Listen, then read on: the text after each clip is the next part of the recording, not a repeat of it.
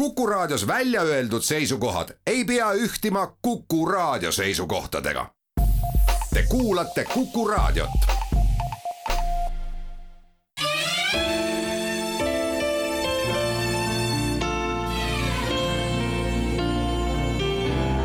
nädala raamat.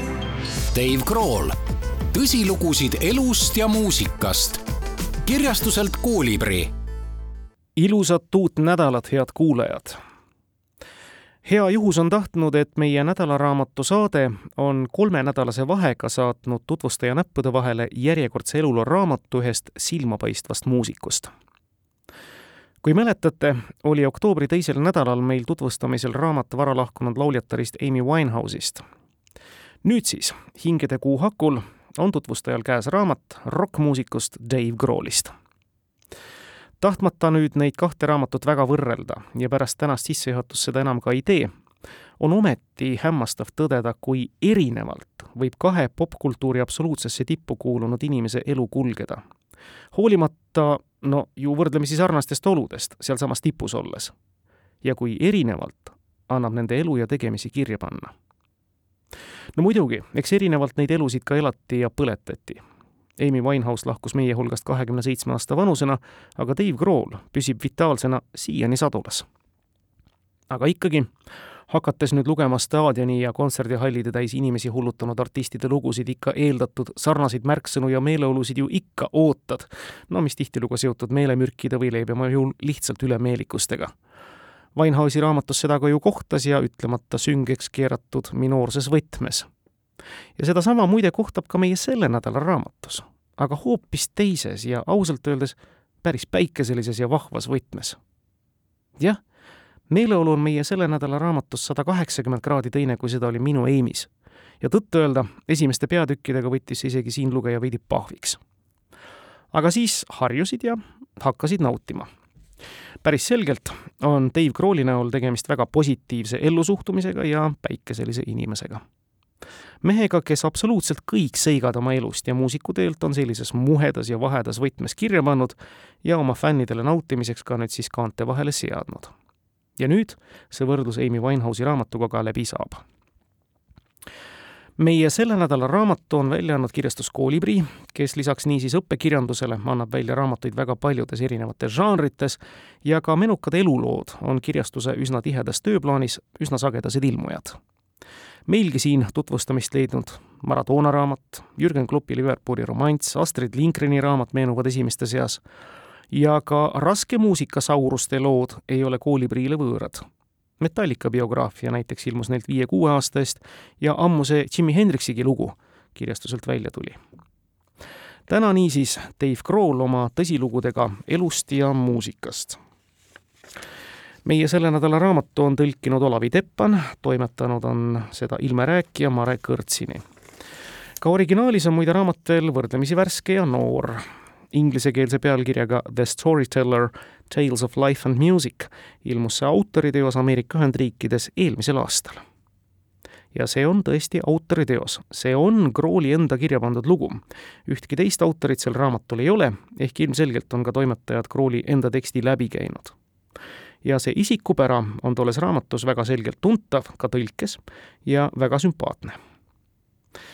tahan kohe ära rõhutada, et see raamat ei ole ainult Dave Grohli või Foo Fightersi või Nirvana või laiemalt siis rock-punkmuusika austajatele mõeldud või veelgi enam, ainult neile arusaadav. ei see sobib vabalt lugemiseks ka täiesti raske muusika võhikule ja äkki ongi seeläbi ehk parem teeviit sellesse maailma, mida klišeelikult seostatakse ikka pikkade juuste, mustade T-särkide, neetide, kettide ja ohtra õlle ja viski ja millega kõigega veel. ja see võib tunduda nüüd isegi kummaline, aga ka selles maailmas on väga palju soojust ja armastust oma lähedaste, näiteks ema ja laste vastu. väga palju austust oma kuulajate ja publiku vastu väga palju ausust ja enesekriitikat selles jaos, mida osatakse või mida mitte. ja seda kõike nimetatut on Krool kenasti läbi nende kolme ja poolesaja lehekülje, mis muide üsna ruttu kulgevad, ka kirjeldanud. ja nüüd siis neile, kes ei tea, kes on siis raamatu autor ja nimitegelane. David Erik Grohl on USA muusik, laulukirjutaja ja produtsent laiemalt sai ta tuntuks juba päris noorena, kui kahekümne ühe aastaselt liitus trummarina ansambliga Nirvana pärast Nirvana liidri Kurt Cobaini surma ja ansambli lagunemist tuhande üheksasaja üheksakümne neljandal aastal asutas Dave Grohl ansambli Foo Fighters, mille liidriks, laulukirjutajaks, lauljaks ja kitarristiks ta on. see ansambel tegutseb edukalt siiani, olles tänaseks välja andnud kümme stuudioalbumit lisaks Foo Fightersile on Crawli jagunud instrumentalisti ja lauljana lugematusse hulka teistesse ansamblitesse ja projektidesse kolm kümnendit on ta siis varsti selles rajus rüganud ja tundub, et energiat jagub tal edaspidisekski. Grool ühes oma kollektiividega on võitnud lugematul hulgal erinevaid tunnustusi ja äramärkimisi. juba kümme aastat tagasi nimetati ta näiteks üheks mõjukamaks rokkmuusikuks läbi aegade. Kahe tuhande neljateistkümnendal aastal pääses ta Nirvanaga ja mullu ka Foo Fightersiga rock n rolli kuulsuste halli ja võiks ju arvata taaskord noh, väga klišeelikult, et pärast nõnda kauaaegset käristamist ja kõige selle eluga kaasas käivat, võiks Dave Grohl täna, viiekümne kolme aasta vanusena siit-sealt ütleme siis ähm, noh, kas väsinud või kulunud olla, siis ei. Värskeimad esinemised, mis ka teile muide, head kuulajad, Youtube'i vahendusel kindlasti nähtavad on, ei näita muusikul mitte mingit kulunemismärki. Välimus muidugi, see ongi selline noh, keskealise mehe või ütleme siis rokkari oma, aga see on isegi taotluslik, nagu ta sissejuhatuses ise märgib kord, kui teda paluti ühele heategevuslikule kontserdile koos Paul McCartney, Rolling Stonesi, The Who'si ja paljude-paljude teistega ja asjaomastega siis ka New York Madison Square Gardeni lavatagustes kohtudes ja juba vaimusilmas enda ette manades, tsiteerin nüüd, tervet toatäit rock n rolli ajalugu seismas algkooli fotosessiooni pidulikus rivistuses, kõigil nahktagid ja briti aktsent juures aga ei, sisenedes nägin üllatusena, et neist esinejatest olid seal ainult kaks, teine teisel pool seina ääres ühel oli tuliuue luksusauto särav väljanägemine, perfektselt toonitud juuksed, spreipäevitus ja hiljuti värskendatud naeratus nagu konfeki karbil. Ehk ilmne katse tõrjuda vananemise ilminguid, mis lõppkokkuvõttes andis vastupidise tulemuse, nii et ta nägi välja nagu liiga paljude värvikihtidega kaetud vana sein.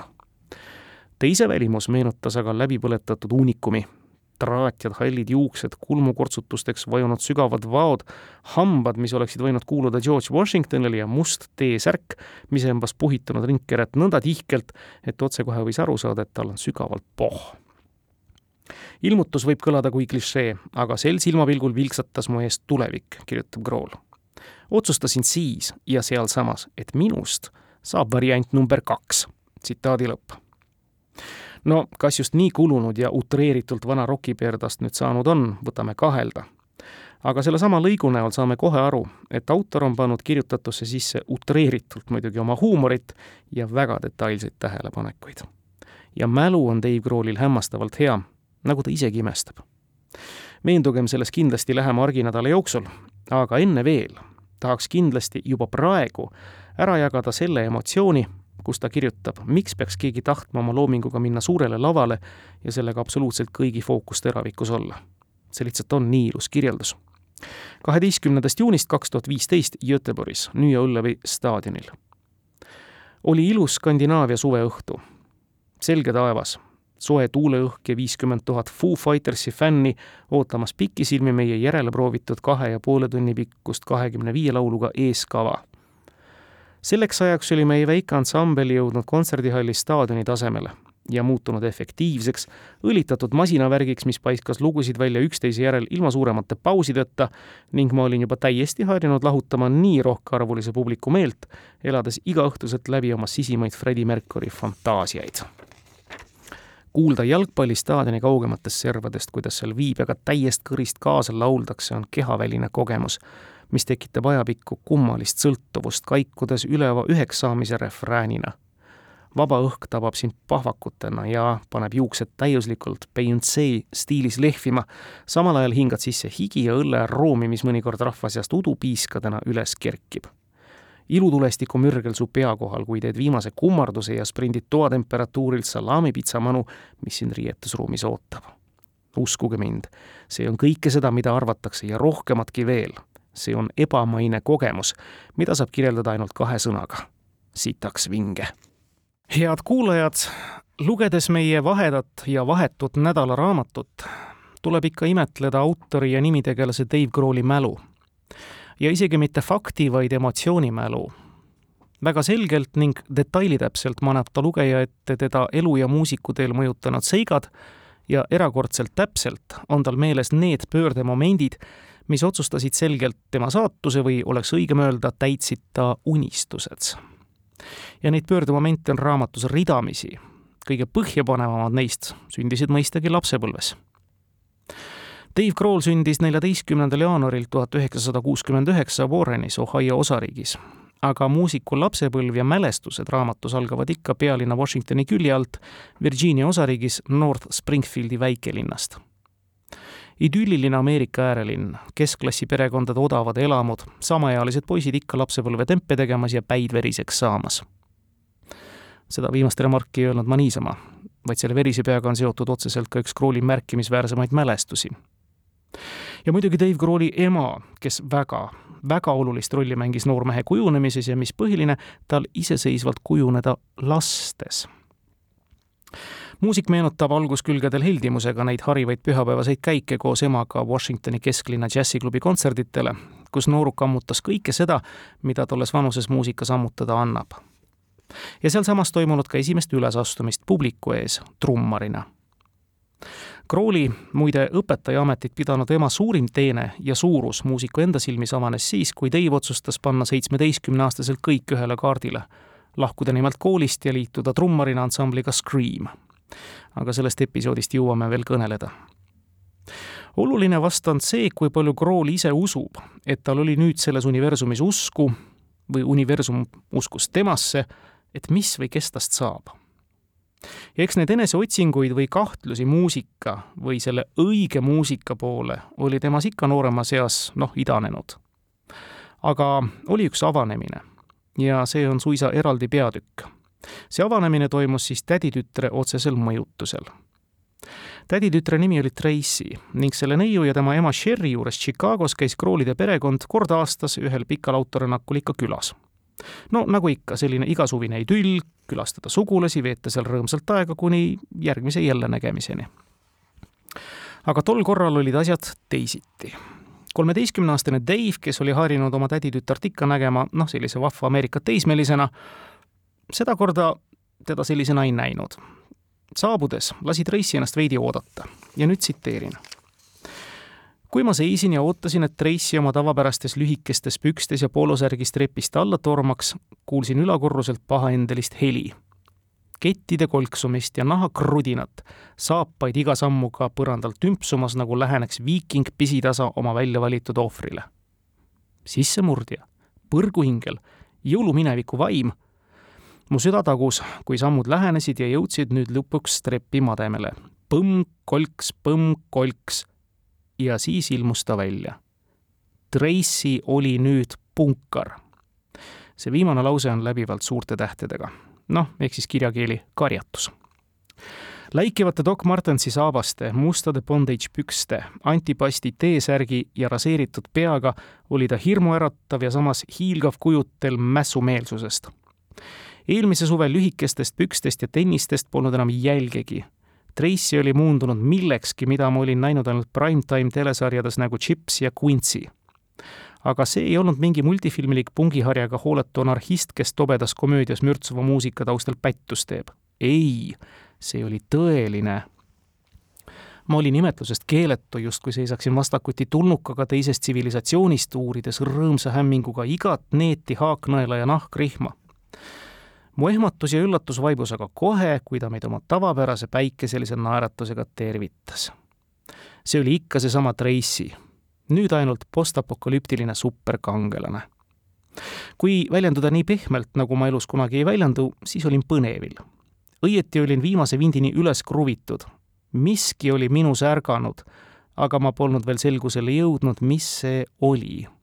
tsitaadi lõpp see lõplik äratus järgnes Dave'ile õige varsti, kui Tracy kutsus noormehe oma tuppa, mis oli triiki täis muusikat ja kõike seda, mis pungiskeenega seostub. tolle päeva või õhtu Tracy toas seda kõike endasse ammutades, võtab Kroll raamatus üksipulgi läbi Misfits, Dead Kennedys, Bad Brains, Germs, Naked Raygun, Black Flag, Wire, Minor Threat, GBH Discharge the Effigies, liiga palju nimesid, et isegi raamatus loetleda, kirjutab autor ja jätkab. see oli undergroundi, sõltumatu punkroki varaait ja mul polnud sellise asja olemasolust kuni tolle hetkeni aimugi me istusime tema toas põrandal ja ta pani muudkui innukalt plaate peale nagu professor, kes juhendab õpihimulist teadmiste neljast tudengit. kuula seda, ütles ta ja poetas plaadi hoolikalt mängijale. nüüd seda, jätkas ta, mängides ühte plaati teise järel ja paisates mu meeled iga palaga kaugemale avakosmosesse. mul tekkis küsimusi, väga palju küsimusi kuidas ma küll varem ei teadnud, et selline asi on olemas, kas kõik teised teavad, kas see on üldse lubatud? Uurisin suurisilmi iga plaadi ümbrist ja õlitasin robustset kunstifotosid ja autorite nimesid, samal ajal kui Tracy lasi mulle valju toorest muusikat, mida küttis välkkiire tempo ja verd tarretavad karjad. tunnid möödusid ja kõik see, mida ma olin selle hetkeni muusikast teadnud, lendas korra pealt aknast välja. see oli mu edasise elu esimene päev. see viimane lausegi on läbivalt suurte tähtedega, ehk siis karjatus nõnda emotsionaalselt ja endeliselt kerib siis Dave Grohl mälestuste ratast tagasi. aga see polnud kaugeltki veel kõik, vaid sai veel paremaks minna, sest samal õhtul otsustas Tracy noore sugulase kaasa kutsuda Chicagos toimunud kohaliku punkbändi Naked Reagan kontserdile. ja ka need emotsioonid, eeskätt üllatus sellest, et püha taevas enamik kuulajaid publikust ei olnudki neidid, rahktagid ja roppu sõimutäis lakardid, vaid temasugused lihtsad fännid kogu see kontsert on raamatus täie mahlakusega esindatud. nii nagu ta raamatus märgib, see oli ta edasise elu esimene päev. tõsi, head kuulajad, meie nädalaraamatus on neid märgilisi päevi ikka palju rohkem esindatud ja mis on lugejana sümpaatne. Dave Grohl juba siis, rääkimata edaspidisest, otsib tollest samast muusikast ja selle esitamise viisist midagi üleloomulikku mingit sellist vaimu või tunnetust, no ma ei ütle, et kosmilist või midagi paranormaalset. aga Krool katsub aru saada, mis näiteks teeb ühe trummari, no ütleme jällegi näiteks Led Zeppelini varalahkunud John Bonhami nii heaks, nagu ta oli. see ei olnud lihtsalt meisterlikkus või virtuoossus pulkadega taguda täpselt. see oli midagi, mis jäi nende niigi väga tihedate trummilöökide vahele ja vot seda midagit otsis Krool taga juba kolmeteistkümneaastasena küll enda loodud altari ees vastavat palveseanssi pidades või siis hiljem lihtsalt kuulates, kuulates ja kuulates asjaomaseid suuri eeskujusid, ebajumalaid. jaa, oluline on ära märkida, et Dave Grohl ju kujutas ennast eeskätt ette trummarina, no kes ta ka oli ja on. Ja selle nimel ta kuulmise järgi siis ka maast madalast juba oma pulkadega koduseid patju viledaks tagus ja hiljem juba siis oma odavat ja liiga suurt mainstream kodust trummikomplekti. aga muide, ametlikku trummiõpetust oma ala meistritelt sai Dave Grohl täpselt ühe tunni jagu. ja see õppetund lapsepõlves hinnaga kolmkümmend viis dollarit kulmineerus õpetussõnadega. Ehm, kõigepealt võta pulgad õigetpidi kätte.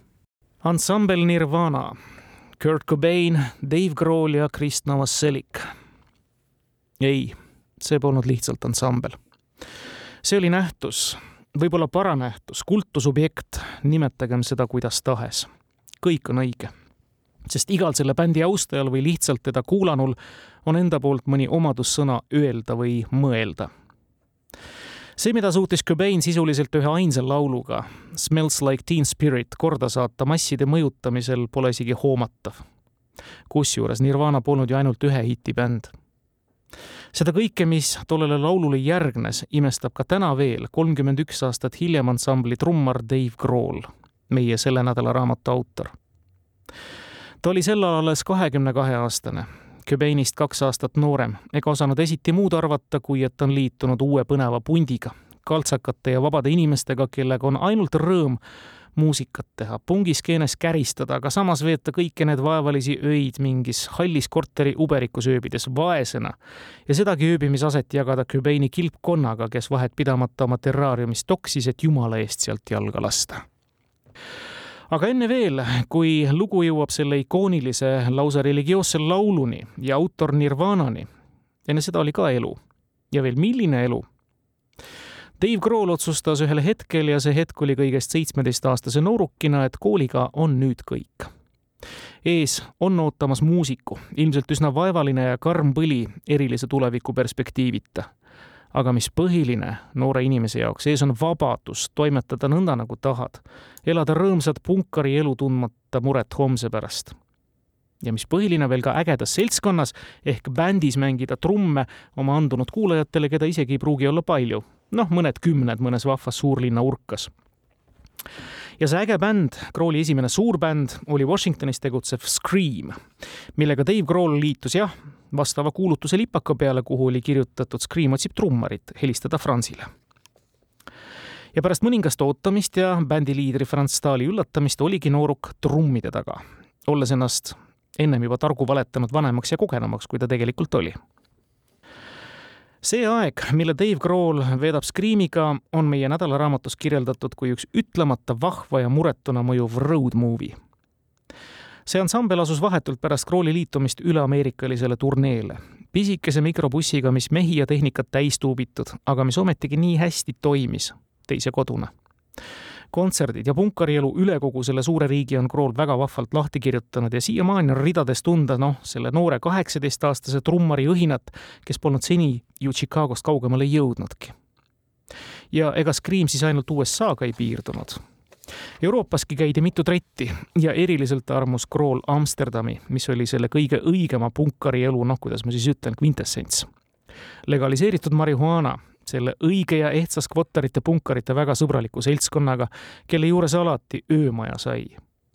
ja lisaks oli ka Hollandi keskus logistiliselt bändile parim paik baasiks, kus lähtuda kontserditele üle kogu Euroopa tavaliselt me säästsime kodus lihtöödega palehigis teenitud raha ja lendasime Hollandi lennufirma Martin Air standby piletiga, mis maksis üheksakümmend üheksa taala üks ots jõudsime niiviisi Schipholi rahvusvahelisse lennujaama, varastasime esimesel õhtul jalgratta ning veetsime paar järgmist nädalat oma turneeks ettevalmistusi tehes.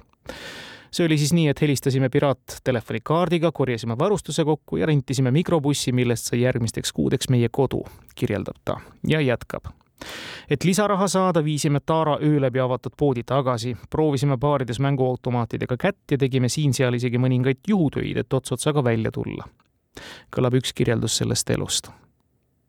Rahapuudus käis muidugi selle elu juurde. päeva eelarve seitse viiskümmend ja menüü, mida Krool väga elavalt kirjeldab, mis koosnes üheksakümne üheksa sendi eest ostetud päevaroast, milleks olid kolm viineripirukat ja iga neist tuli targalt teatud kellaajal ära süüa, et nälg nüüd päris nägemist ei võtaks.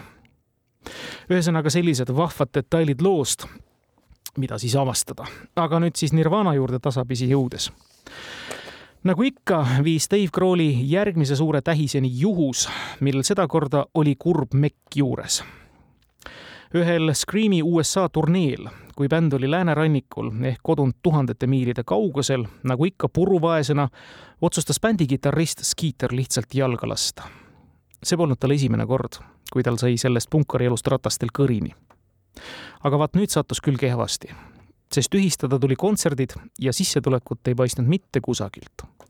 järgi jäänud bändimehed pidid kaugel läänes hakkama tegema juhutöid. ja Dave Grohl oma kommuunielus ühe naismudamaadleja juures muide otsis siis päevast päeva lohutust nukras olukorras üksi ringi sõites laenatud mootorrattaga. tsiteerin õhtust õhtusse järgisin sama rutiini, ärgates igal hommikul elutoa põrandal oma magamiskotis, silmad kanjoniteede tolmust ja porist peaaegu kinni paistetanud, et pöörduda tagasi argipäeva, kus ma olin hulkuv koer mudamaadleja juures ulu all. ja järgmine lause või õigemini küsimus on kõik läbivalt suurte tähtedega. ja siis kuulsin nelja sõna, mis muutsid mu elu igaveseks. kas sa tead Nirvanat?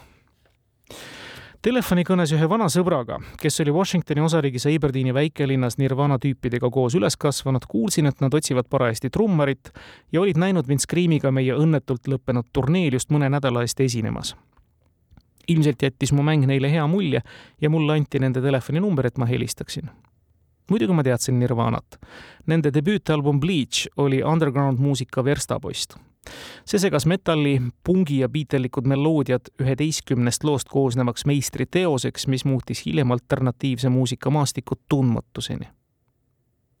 see sai kiiresti üheks mu lemmikutest ja eristus teistest rasketest mürarikast pungiplaatidest mu kollektsioonis selle poolest, et see sisaldas laule. ja see hääl, sellist häält ei olnud kellelgi.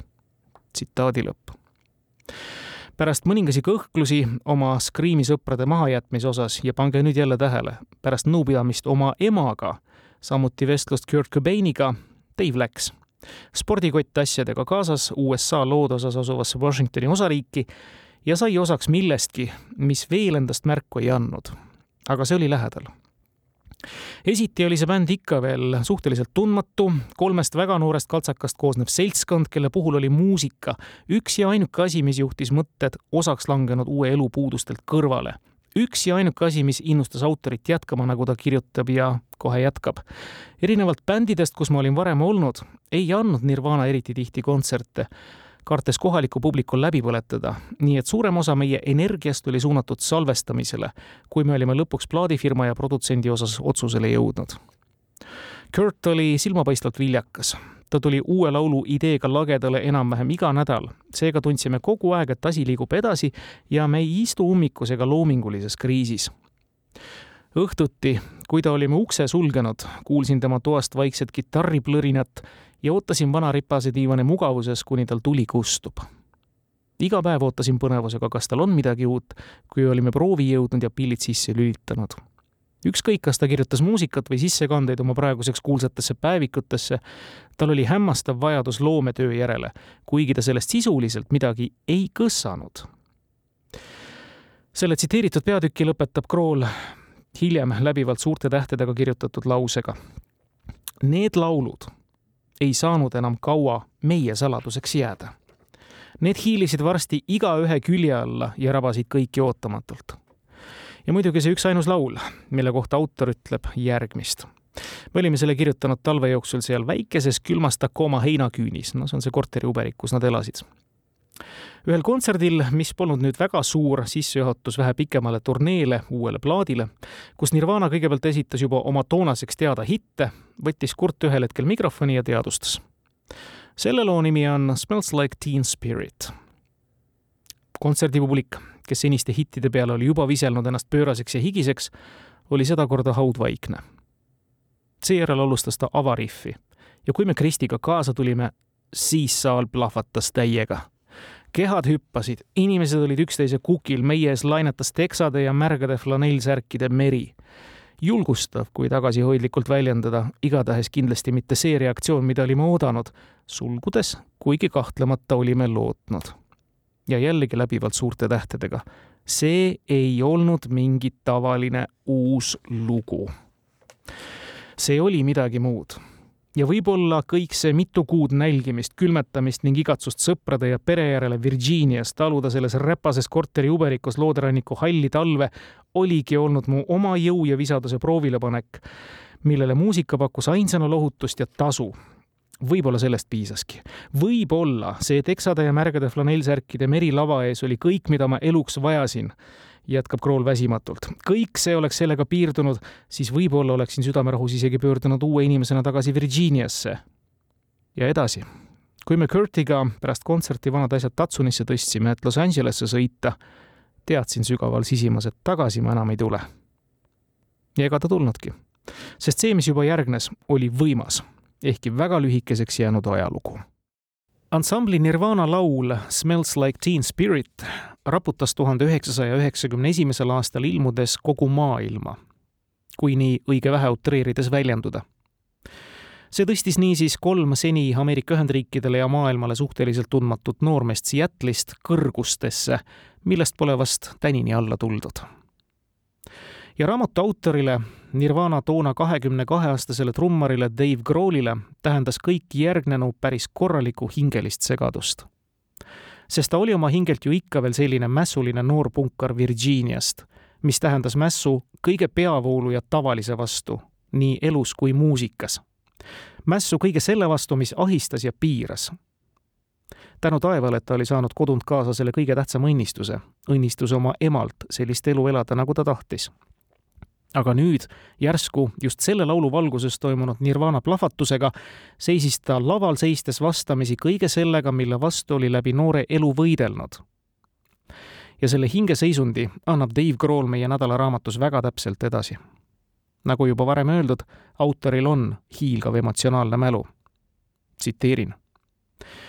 Nirvana Nevermind album siis, ilmus kahekümne neljandal septembril tuhat üheksasada üheksakümmend üks, vaid mõni päev pärast turnee esimest kontserti ning juba nädala pärast märkasin muutust. mitte ainult kontserditele trügiva publiku suuruses, vaid ka tüübis. Need ei olnud enam Saab-Popi fännid ega kooliraadio friigid, kes tulid bändi debüütplaadilt Bleach oma lemmiklugusid kuulama. nüüd vooris kohale inimesi, kes paistsid pisut rohkem mainstream tavaline päästearmee flanellsärkides ja Doc Martensites kaader kohtus nüüd bränditeksade ja spordipusadega, mille sarnasid kandsid ka minuga koos üles kasvanud äärelinna noored Springfieldis. singel Smells Like Teen Spirit, mis anti välja kaks nädalat enne albumit, oli meie pärusmaalt ruttu väljunud ja palju laiema publikuni jõudnud, ärgitades järjest suuremat hulka inimesi tulema vaatama, mille ümber see kära õieti lahti läks. publik kasvas marulise kiirusega kõik need aastad punkarina peavoolumuusikat tampides ja igat mainstream edule kas või raasukesel lähemale liikunud bändi häälekalt enesemüüjateks tituleerides, oli muusikat armastav süda mu küünilises rinnus viidud segadusse ja muutunud mõhnaliseks tombuks. oli nüüd blaseerunud ja kriitiline, tehes meeldival ja mittemeeldival vahet sageli puhtalt pungimaailmas šefi kultuuri reeglite põhjal ning ometi rõõmustas mind see teadmine, et üha rohkem inimesi ilmub osa saama muusikast, mida ma armastasin ning uhkusega lõin ja mängisin. see oli eetiline dilemma, mis osutas bändile ühtaegu inspireerivaks ja hävitavaks. Kurti muserdas see teelahe veel palju sügavamalt kui mind. tsitaadi lõpp teine ja väga oluline asi, mis selle loo ja albumi eduga kaasnes, oli suur raha Dave Grohlile jõudis see pärale kõvasti hiljem, ehkki ta teadis, kui hästi juba miljonites mõõdetavates ühikutes nende plaat müüb. ja see päralejõudmine ilmnes siis ühes hotellis, kui talle vastuvõttu sulatati postiga saadetud krediitkaart, elu esimene. ja otsimaks siis kinnitust, et on see tõesti tõsi, jooksis Dave hotelli suveniiripoodi ning soetas endale esimese asjana sinised päikeseprillid taaskord üks väga vahva detail, milliseid meie nädalaraamatus on palju nagu ka neid detaile, mis nii vahvad ei ole. no näiteks, me teame, et Cobain ajas oma isiku ja lauluga kuulajad sõna otseses mõttes hulluks. ja päris pöörane lugemine on näiteks Nirvana Dallase kontserdist, kus Grohl jõudis mängimise kõrvalt ainult ühte mõelda, kus see kuradi väljapääs siin on see lühike periood, mida polnud ju kolme aastatki, kuni Kurt Cobaini varase surmani, on suhteliselt lühidalt ka meie nädalaraamatus esindatud huvitav on muide lugeda, et pärast albumi Nevermind väljaandmist ega see kolmik ju väga suurt muul ajal kokku saanudki kui ainult esinemisteks, aga neid oli palju. ja pärast mõnd ja seejuures ka väga pikka ja edukat turneed või kontserti mindi mööda USA-d oma kodukohtadesse laiali lihtsalt taastuma tollest perioodist meenutab Crawley eriti meeldejäävalt ülesastumist no vist kõigi ameeriklaste või USA muusikute ihaldatavaimas telesaates Saturday Night Live ja ka ansambli Austraalia ja Jaapani turneed. tolles viimases riigis oli kohe eriti veider sellisel lõhkuval, märatseval, endast välja elaval ansamblil mängida ühes väga uhkes, kroonlühtritega kaunistatud saalis hillitsetud ja toolidesse surutud Jaapani fännidele. ja pärast kontserti, kus Krool nagu ikka trummikomplekti oli sisuliselt ribadeks tagunud, tuli vastata korraldaja murelikele küsimustele, et vabandust, kas see komplekt oli tõesti nii vilets, et ta tuli suurest pahameelest puruks peksta väga toredad meenutused. aga seda kõike jagus niisiis vaid paariks aastaks. Kurt Cobain lahkus siit ilmast viiendal aprillil tuhande üheksasaja üheksakümne neljandal aastal heroiini üledoosi tagajärjel. see tragöödia kahjuks hüüdis juba ammugi tulles sellest, et Cobain tarvitab heroiini, kuulis Krool juba nende kohtumise esimesel aastal. aga laulukirjutaja üldiselt hoidis seda pahet endale ja enda teada tõsi, teinekord ta üsna räsituna kontserdile või proovi tuli. Cobain käis ka võõrutuses, aga kokkuvõttes siis tulemuseta. ja muide, teated Kurt Cobaini surmast olid ka enne viiendat aprilli juba kõlanud. ja Dave Grohl alustabki muide ühe sellise valekõnega seda kurba peatükki, mille krooniks oli ikkagi šokeeriv ikooni lahkumine. sedakorda päriselt aga mitte ainult, läbi tolle intensiivse ja üsna kurva peatüki räägib ta veel lähedase lapsepõlvesõbra Jimmy Swansoni lahkumisest ja laiemalt siis leinast enda sees. päris klaar, et pärast Kurt Cobaini surma oli Nirvanaga kõik. aga kuidas siis edasi? Dave Crawli kirjapandu järgi saab aru, et selle küsimuse üle juurdles autor kohe väga pikalt ja väga nukralt. sest oli selge, et maailm oli tolleks hetkeks noore mehe jaoks, ta oli siis kahekümne viiene, kokku kukkunud aga mitte päris lõplikult, sest üllatus küll, ja see tuleb välja alles raamatu teises jaos, oli Dave Grohl ka maast madalast endale sahtlisse juba lugusid mitte ainult et kirjutanud, vaid ka salvestanud, alustades kodunt kahe makiga algelist kaherealist salvestust produtseerides. Aga hiljem juba arglikult ka salvestusstuudiotes küsides aega nii-öelda lindi lõppudele lindistada tõsi, sellele loole, mis paneb alguse Crawli järgmisele suurele ansamblile ehk Foo Fightersile, eelneb veel üks, mis siis muusiku päriselt Kurt Cobaini leinast üles äratas. ja see oli vähe ootamatu pakkumine Tom Pettilt ja tema ansamblilt The Heartbreakers tulla neile trummariks ja taaskord siis ajutiselt The Saturday Night Live saatesse. muide, Crawl on selles saates esinenud neliteist korda, rohkem kui üks teine muusik see koostöö oli kirjeldust mööda imeline ja Tom Petty tegi Kroolile ka pakkumise tulla päriselt neile bändi. ja nüüd oli siis kaalumist kohe väga, kahe väga kaaluka asja üle põhjalikumalt. ja see teine kaalukas asi oli niisiis esialgu nii-öelda sooloprojektina või väljundina mõeldud Dave'i enda edasine muusikuelu Needsamad arglikud katsed kirjutada ja mängida laule nendele lindilõppudele, mis nüüd, juba pärast Nirvana teenistust, kuulsust ja hoopis laiemaid võimalusi, andsid hea juhuse kinni panna kvaliteetne stuudio, võtta abiliseks üks maailmaklassi helirežissöör ja kõik need sahtlitesse kirjutatud lood üksipäini uuesti sisse mängida. see oli minu jaoks enamat kui lihtsalt salvestussessioon. see oli sügavalt teraapiline, kirjeldab ta elu jätk. just seda ma vajasin, et taastada südametegevuse normaalne rütm vajasin elektrilist pulssi, mis tooks tagasi mu kiindumuse ja usu muusikasse, lisab ta juurde. ja esialgu ta ei osanudki teha muud, kui kujundada laulude pesaks saavatele kassettidele üks lihtne ümbris ja need, noh, nii sadakond eksemplari kassette pakendada pappkasti ning jätta nad lihtsalt jagamiseks lähedastele ootama oma džiibi pagasnikusse siis järgnes see pakkumine, kohtumine ja mäng Tom Pettiga ja kutse ansamblisse. ja kaalukas dilemma kas mu süda jäi nüüd Tom Petty juurde New Yorki või oli see kusagil seal pappkastis värskete kassettide seas? ma olin teelahkmel. tunne, mida ma kogesin Heartbreakersiga, oli nii ülev, lohutav ja just tol hetkel vajalik, aga sügaval sisimas ma teadsin, et päriselt minust ju südamete murdjat, see on siis viide nende Heartbreakersite ansamblile, kunagi ei saa ma armastasin Tommi muusikat nõnda, et oleksin südamest nautinud õhtust õhtusse tema lugude mängimist, aga need ei olnud minu lood. ma olin kahekümne viie aastane ja alles neljane, polnud valmis kindla asja peale muganduma. minus oli veel see teismelise rahutu energia, tahe hüpata tundmatusse, isegi kui see paistis kohati pelutav, kirjutab ta.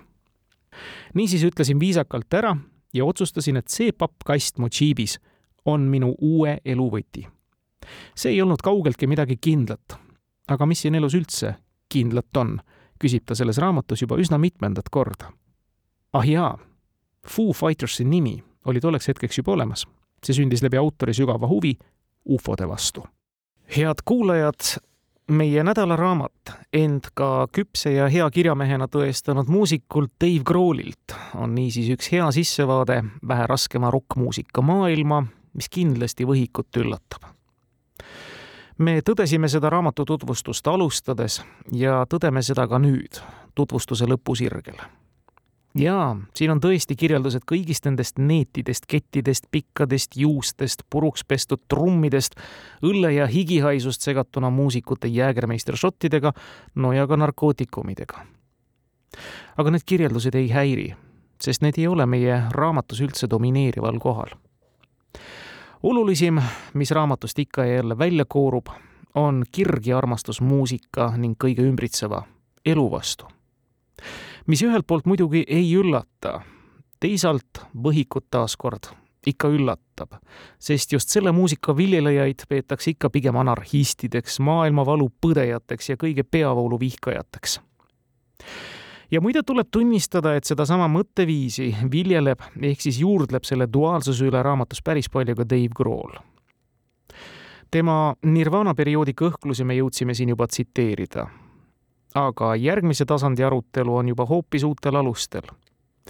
Dave Grohl sai nimelt üsna aktiivse muusikakarjääri keskel kolme tütre isaks maailma rõõmustavamaid sündmusi, milleks ta kindlasti oli valmis, aga teisalt kindlasti mitte nüüd, siin ja praegu. tsiteerin. minu mõtetes pidi see päev olema tükk aega pärast seda, kui olen lõpetanud tuuritamise ja rändamise. olin ette kujutanud, et muusika lihtsalt kuidagi lõpeb ja ma alustan koduses anonüümsuses uut elu olen näinud neid, kes on püüdnud turneed ja pereelu ühitada, aga minule, kes ma olen saanud traditsioonilise kasvatuse, tundus selline mõte liiga logisev ja ebakindel. vaatepilt reisivoodist õlle ja jäägermeistritega kaetud laua ääres ajas mulle alati judinad peale alles siis, kui Foo Fighters kutsuti kahe tuhandendal aastal esinema Neil Youngi Bridge School Benefitile, see on üks heategevuslik kontsert, sain aru, et need kaks maailma võivad tegelikult koos eksisteerida kirjutab ta. ja ehkki need õlle- ja jäägermeistrilauad ei kadunud kontserditel tagalavadel mitte kusagile, said ometi kõik laulud ja tuurid peetud ja lapsed erakordselt suure soojuse ja tähelepanuga kasvatatud viksideks neidudeks, nagu raamatust lugeda saab ja muidugi, kuidas teisiti, kirjutab Krool oma lastest kõige soojemate tunnete ja sõnadega, minemata seejuures muide läilaks muide, meie nädalaraamatu üks esimesi peatükke, kui mitte kõige esimene, algabki teatega Krooli tütrelt. issi, ma tahaksin trumme mängima õppida. head kuulajad, meie nädalaraamatu viimane kolmandik kannabki vast kõige paremini ette seda sisu, millele viitab raamatu pealkiri. tõsilugusid elust ja muusikast see raamatu ots on tõesti täis vahvaid ja vist ka eranditult, no peaaegu ainult positiivseid lugusid, üllatusi ja meeldivaid hetki. ja ehkki võiks ju arvata, et Krooli üllatuste ja positiivsete ehmatuste karikas võinuks juba Foo Fightersi tekkimise ja kulgemise aega suurtel lavadel ja staadionidel täis olla, jagub seda siirast üllatumist kuni raamatu lõpulehekülgedeni välja. Vaata, et igas peatükis on midagi, midagi uut, mis kogenud ja nii mõndagi näinud muusikut tummaks võtab.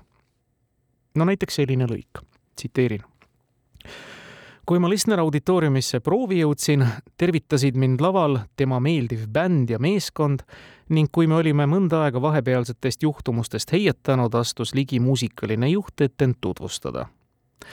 Olin enda arvates juba mõnevõrra ette valmistatud, aga mõistsin, et Paul ja tema bänd tahavad tõenäoliselt niikuinii kogu raskuse enda kanda võtta ning ma pole ilmselt isegi kõlaritega ühendatud, no juhuks, kui ma mõne sõna või akordi ära unustan okei okay,, Dave, see siin on sinu mikrofon, ütles ta ja osutas mikrile lava keskel. imelik, mõtlesin ma ehm,. aga kus siis Paul seisab, küsisin. Ta naeris ja vastas. Paul istub koos presidendiga otse sinu ees. sina laulad terve laulu ise. punnitatud entusiasmi taga valdas mind paanika. tsitaadi lõpp kirjeldatud episood jääb aastasse kaks tuhat kümme kui Paul, ja see on siis Paul McCartney ise, pälvis Ameerika Ühendriikide presidendilt, toona siis Barack Obamalt, põhimõtteliselt Nobeli preemiaga võrreldava Gershwini auhinna. Ja selle suure tseremoonia juurde käis ka austamisõhtu, kus maailma erinevad muusikatähed esitasid laureaadi parimat loomingut ja kuidagi juhuslikult või vähemasti sellise mulje autor jätab, jõuti siis ka Dave Grohlini, kes tabas ennast olukorrast, et ta peab kogu muusikamaailma kumiiri tähtsaimal hetkel esitama tema enda lugu tema enda silme ees ja seda veel nõnda, et tema enda kõrval istub maailma mõjukaim mees, USA president. Paul McCartney'ga sõprusest ja perekonniti läbisaamisest muide kirjutab Dave Grohl ka väga südamlikke episoode oma raamatusse.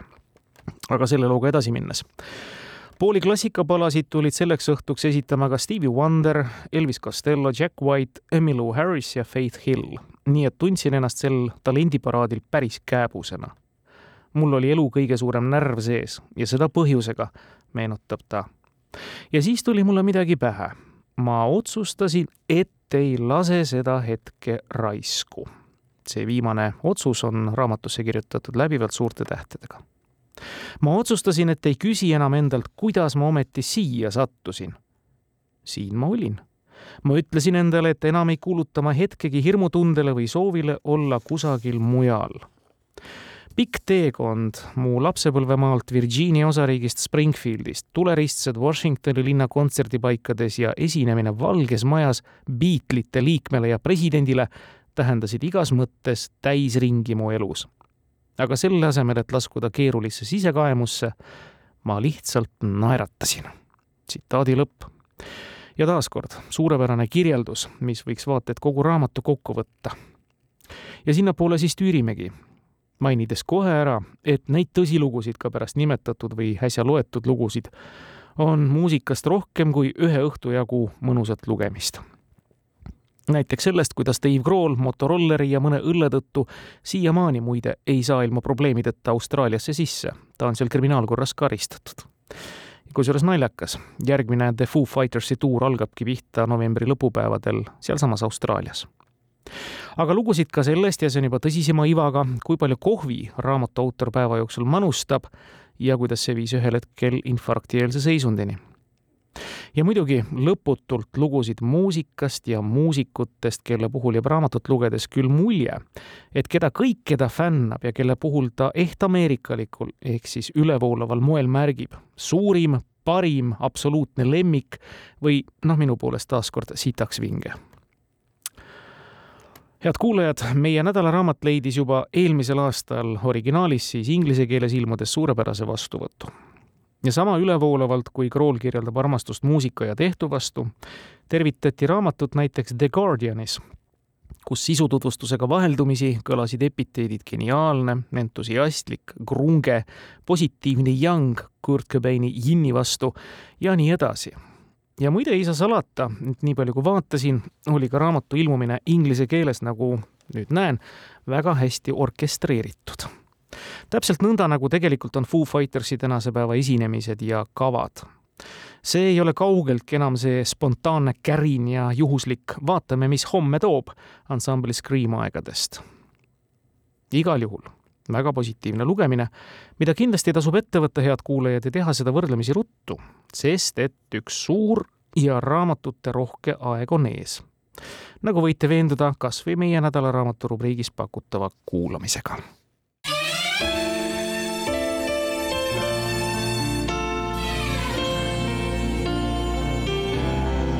nädala raamat. Dave Grohl, tõsilugusid elust ja muusikast kirjastuselt Koolibri